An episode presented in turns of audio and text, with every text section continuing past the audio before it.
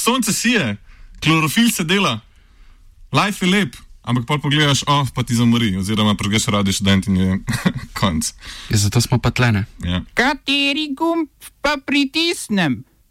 Tisti, na katerem piše OF. Vlada sprostila še nekatere antiepidemične ukrepe. Odstop čilskega zdravstvenega ministra zaradi zavajajočih podatkov o umrlih. Anton Travner še vedno imenovan za generalnega direktorja policije.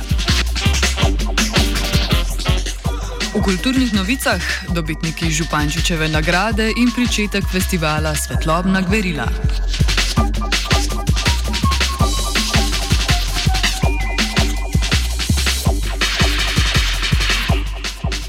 Vlada je sprostila še nekatere ukrepe, ki jih je uvedla za preprečevanje širjenja novega koronavirusa. Odpirajo se malo obmejni prehodi s Hrvaško, v Slovenijo pa bodo lahko prišli vsi italijani, ne glede na pokrajino, v kateri živijo. Od danes je dovoljeno zbiranje do 500 ljudi. V ta sklop seveda sodijo tudi športni dogodki. A pozor! To še ne pomeni 500 navijačev na športnih dogodkih, pač pa so po besedah vladnega govornika Jelka Kacina v to številko vključeni tudi športniki, delegati, predstavniki medijev, varnostniki in drugo podporno osebje.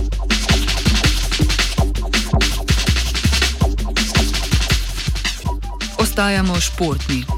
Košarkarski klub Rogaška Slatina, ki sodeluje v prvi slovenski košarkarski ligi in ABA Ligi 2, je privržence razočaral z napovedjo, da v sezoni 2020-2021 ne bo sodeloval v drugi jakostni skupini Jadranske lige, torej v že omenjeni ABA Ligi 2. Razloge pojasni Uroš Kidrič, tiskovni predstavnik košarkarskega kluba Rogaška. V košarkarskem klubu Rogaška smo se v vodstvu kluba odločili, da bi bilo sodelovanje v sezoni 2020-2021 v mednarodnem tekmovanju oziroma v ABA ligi 2 preveliko tveganje. V tem trenutku verjetno nihče ne more eh, napovedati morebitnih ukrepov v primeru eh, drugega vala eh, koronavirusa. Eh, sigurno pa je odločitev povezana tudi z racionalizacijo poslovanja v katero bomo verjetno prisiljeni vsi športni kolektivi v Sloveniji, pa tudi drugod po svetu. Kaj bodo delali slatenčani ob popovdnevih, za zdaj še ni jasno. Verjetno bodo gradili zelo glasni 106-metrski stolp, ki polarizira tankajšnji žival.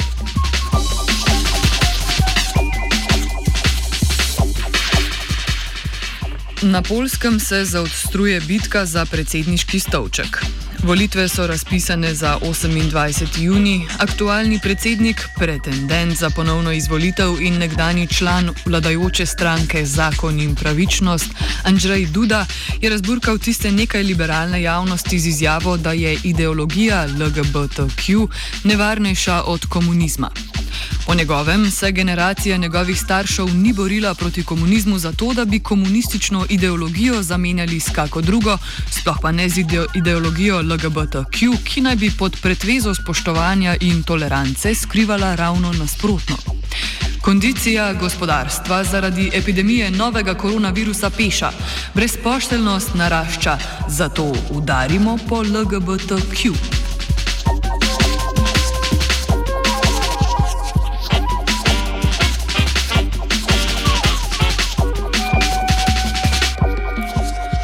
Odstopil je čilski zdravstveni minister Jaime Manjalih. Na stolico prvega zdravstvenika države pa je predsednik Sebastian Pinjera imenoval Enrikeja Parisa.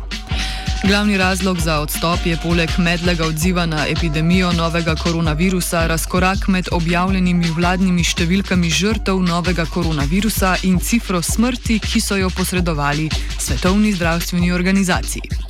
Če so javnost obvestili o 3100 smrtih, so organizaciji dostavili podatke o 5000 smrtih. Zdravstveno ministrstvo razliko pojasnjuje z upoštevanjem smrti tudi tistih, ki so domnevno podlegli virusu, a jim niso oduzeli brisa.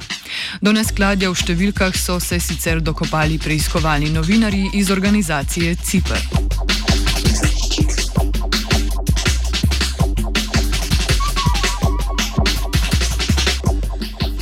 Filipinska novinarka in urednica portala Rappler Marija Resa je bila skupaj z nekdanjim sodelavcem Reynaldom Santosem Jr. spoznana za krivo spletnega obrekovanja. Na omenjenem portalu je leta 2012 objavila Santosevo zgodbo o povezavi nekdanjega vrhovnega sodnika s poslovnežem, ki naj bi se ukvarjal tudi z mamilarskimi posli. Slednji je obtožbe zanikal in uložil tožbo v skladu s komaj štiri mesece po objavi članka s prejetim zakonom, ki se dotika spletnega obrekovanja. Tako novinarjema po odločitvi sodišča groži do šest let zapora, a dokler ne izkoristita vseh pravnih možnosti, lahko gresta vse do vrhovnega sodišča, ostajata na prostosti. Oba, če, če bom odgovoril na angliški. Uh, uh, Slovenija bo poskušala pomagati. Slovenija bo naredila naš utmost, da bo rekla, da je situacija naš problem, naš sebe. In bomo naredili nadaljnje korake, as soon as the conditions are. Bomo vlado Marjana Cererera Šarca podprli. Very, very serious. News from Slovenia. We know how and we will. Anton Travner je še uradno postal generalni direktor slovenske policije, potem ko je bil od vladne konstitutivne seje vršilec dolžnosti. V teh treh mesecih je poskrbel za nekaj bolj ali manj dvomljivih kadrovskih rošat. On menimo zgolj zamenjavo Darka Muženica, Muženiča z Igorjem Lombergarjem na vrhu nacionalnega preiskovalnega urada, ki se ukvarja tudi z domnevno spornimi dobavami zaščitne opreme in tudi s ponarodelim, ba je spornim financiranjem slovenskih domoljubov. Mandat vodenja modrih bogov sicer traja pet let z možnostjo ponovnega imenovanja, Travnerju pa želimo čim manj dela in represije.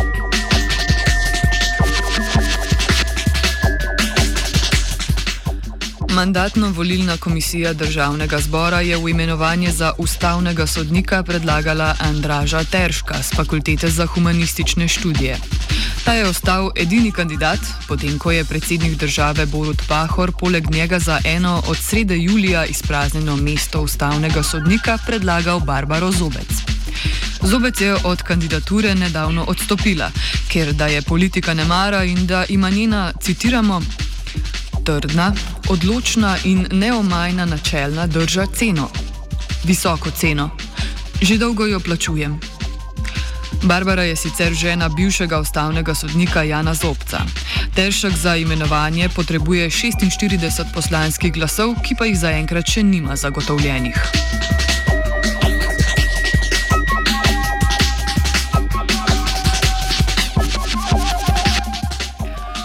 Vodja Štajerske varde Andrej Šiško je napovedal nov večdnevni tabor varuhov slovenstva, ki se ima zgoditi 24. junija zopet v okolici slovenske bistrice.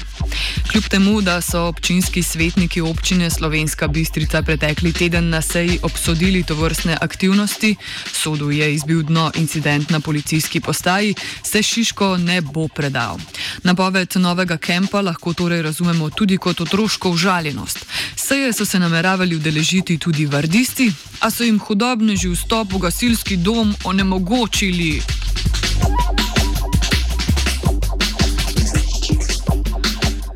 Off pa je pripravil Urh.